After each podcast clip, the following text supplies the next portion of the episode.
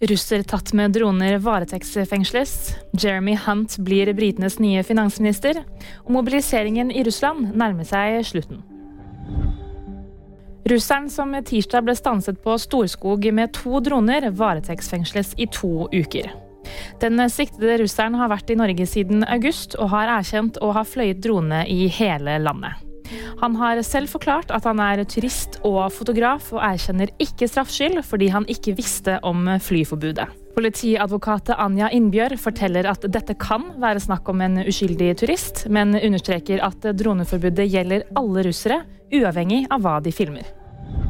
Storbritannias tidligere utenriksminister Jeremy Hunt blir britenes nye finansminister.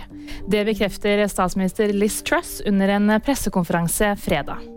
Det ble kjent tidligere i dag at den nå avtroppende finansministeren Kwasi Kwarteng går av, som han bekrefter selv på Twitter.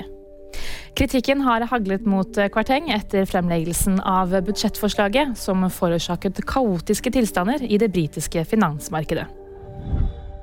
Den delvise militære mobiliseringen i Russland vil være over innen de neste to ukene. Det sier landets president Vladimir Putin under en TV-sendt tale fredag. Det var den 21. september Putin annonserte den delvise militære mobiliseringen i landet, som skulle tilføre 300 000 nye soldater til Russlands styrker. Det som skjer i dag er ubehagelig, men det er det riktige, sier presidenten om Russlands krigføring i Ukraina. VG nyheter fikk du av meg, Anna Julie Bergesen.